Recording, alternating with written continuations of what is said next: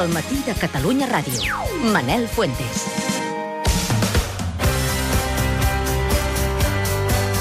Deu i 35 es calcula que actualment hi ha 2 milions de dones amb el virus del papiloma humà a l'estat espanyol i s'estima que 4 de cada 5 persones s'infectaran per aquest virus al llarg de la vida. A l'Estat ja hi ha un programa de vacunacions per evitar que proliferi, però després de les declaracions la setmana passada de Michael Douglas, que va explicar que el seu càncer de gol havia estat causat pel virus, s'ha tornat a encendre les alarmes entre la població. Estem prou informats sobre què és el virus del papiloma humà, com s'encomana, quins símptomes té, sempre acaba desembocant en un càncer. Parlem de tot això i resoldrem els dubtes que facin falta amb en Jordi Antoni, ginecòleg del Centre Mèdic Tecnon. Senyor Antoni, molt bon dia. Molt bon dia, encantat d'estar amb vosaltres. En les declaracions del Michael Douglas la setmana passada, eh, on assegurava que el seu càncer de gola té l'origen del virus, són encertades? Uh, en el seu cas concret sembla que és efectivament així. És veritat que el càncer de gola i el càncer d'orofaringe està incrementant la seva incidència en relació amb la presència d'aquest virus. Perquè hi ha qui diu, no, home, això és una certa onada de puritanisme nord-americà que a través d'aquest anunci, la teoria de la conspiració, fan que determinada gent no tingui determinades pràctiques. És una pràctica de risc, el sexe oral? El sexe oral no és una pràctica de risc, però sí que és veritat que determinades persones o sobre, sectors de la població, sobretot aquells que són promiscus i que tenen relació amb moltes parelles, tenen més risc. Quin és el risc? El risc és el contagi d'aquest virus. Aquest virus és un virus de transmissió directament per contacte i de, per relacions sexuals. Uh -huh. eh, doncs anem a conèixer una mica millor el virus del, del papiloma humà, mm, com es transmet, mm, si, per què no vacunem també els nens, eh, com estan les vacunes de les noies, i situï'ns una mica.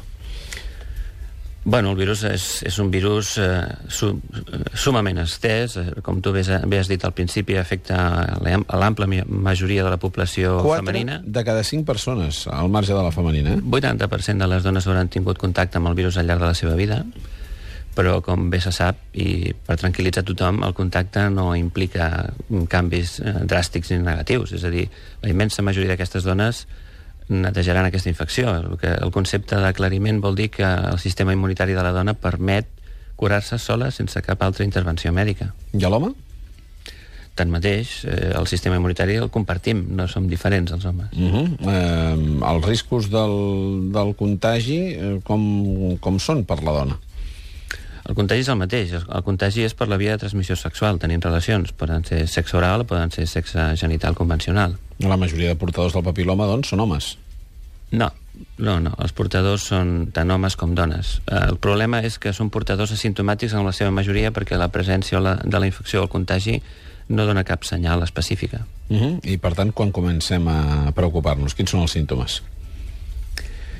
Dona pocs símptomes, o sigui, el que realment cal fer en aquestes situacions és fer les revisions ginecològiques i les exploracions adients, eh, citologia o determinació del virus en les secrecions. Mm, anem a veure, què hauria d'haver fet la dona del Michael Douglas en qüestió i què hauria d'haver fet el Michael Douglas? La, la dona o les dones. O les dones. O els homes. O, o els... qui li ha passat. No, això no ho podem dir ni ho podem saber. No sé si el Michael Douglas ha especificat qui ha sigut el transmissor. Uh -huh. En realitat, una persona que tingui múltiples parelles sexuals, quanta més en tingui, més risc està assumint. Uh -huh. eh, com, eh, com pot derivar eh, el fet de tenir el, el papiloma humà en, els pitjors casos?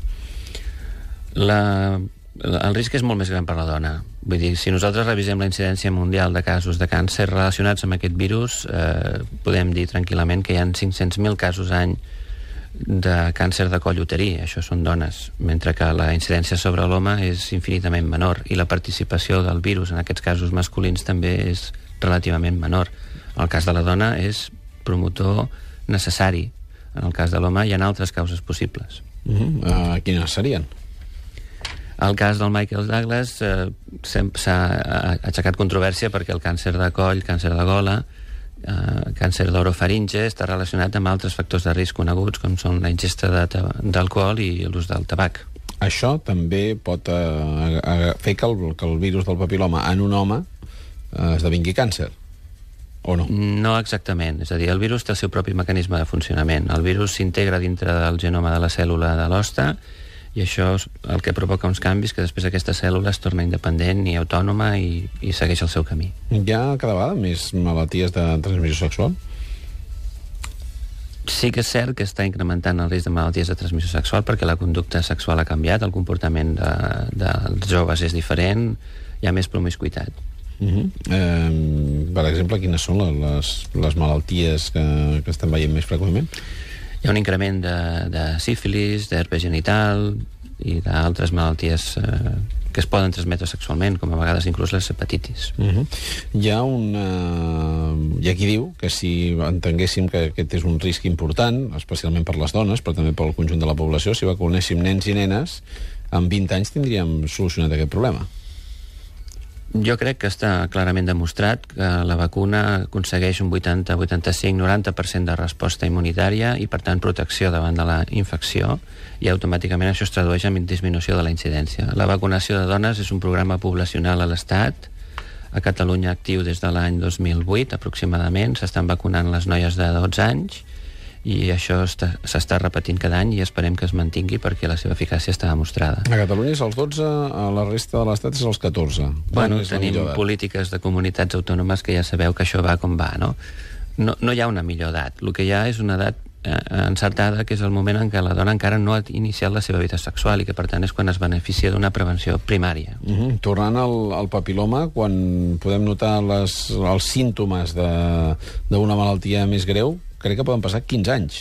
I més. Vull dir, el virus del papiloma es pot mantenir silent durant molts anys fins que no es produeix aquesta integració dintre del genoma de la cèl·lula no comença a tenir activitat i no, no té influència fins a aquell moment. Per tant, poden passar 15, 20, no a partir, a partir d'aquí el tractament és senzill o, o té mal pronòstic? Bueno, la bona notícia és que aquests càncers eh, relacionats sobretot en l'esfera masculina eh, tenen molt millor pronòstic que els altres que tenen altre origen. No? Mm, I, I en les dones?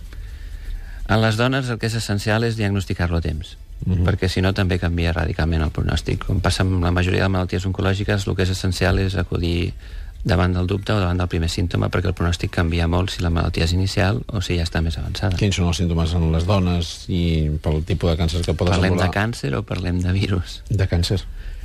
Quan una dona té un càncer de coll, que per tant ja és una situació molt més avançada, el que té sovint és un sagnat anormal o una secreció vaginal anormal. I en el cas de l'home? En el cas de l'home, el que es veurà, probablement, eh, si parlem de genitals, és eh, lesions ulceroses o eh, també una pruïja, un, una cuissó anormal, i en el cas del coll, sagnat, dolor, afonia... Mm -hmm. Doctor Antoni, moltíssimes gràcies per acompanyar-nos. A vosaltres. Ha tingut més consultes des de que el Michael Douglas va dir el que va dir o no? He tingut més trucades de pacients que s'han interessat per la situació i el risc de la seva parella. doncs eh, la informació és el primer pas per, per intentar prendre consciència i canviar les coses. Que vagi bé, gràcies. Pausa i tornem. Catalunya Ràdio.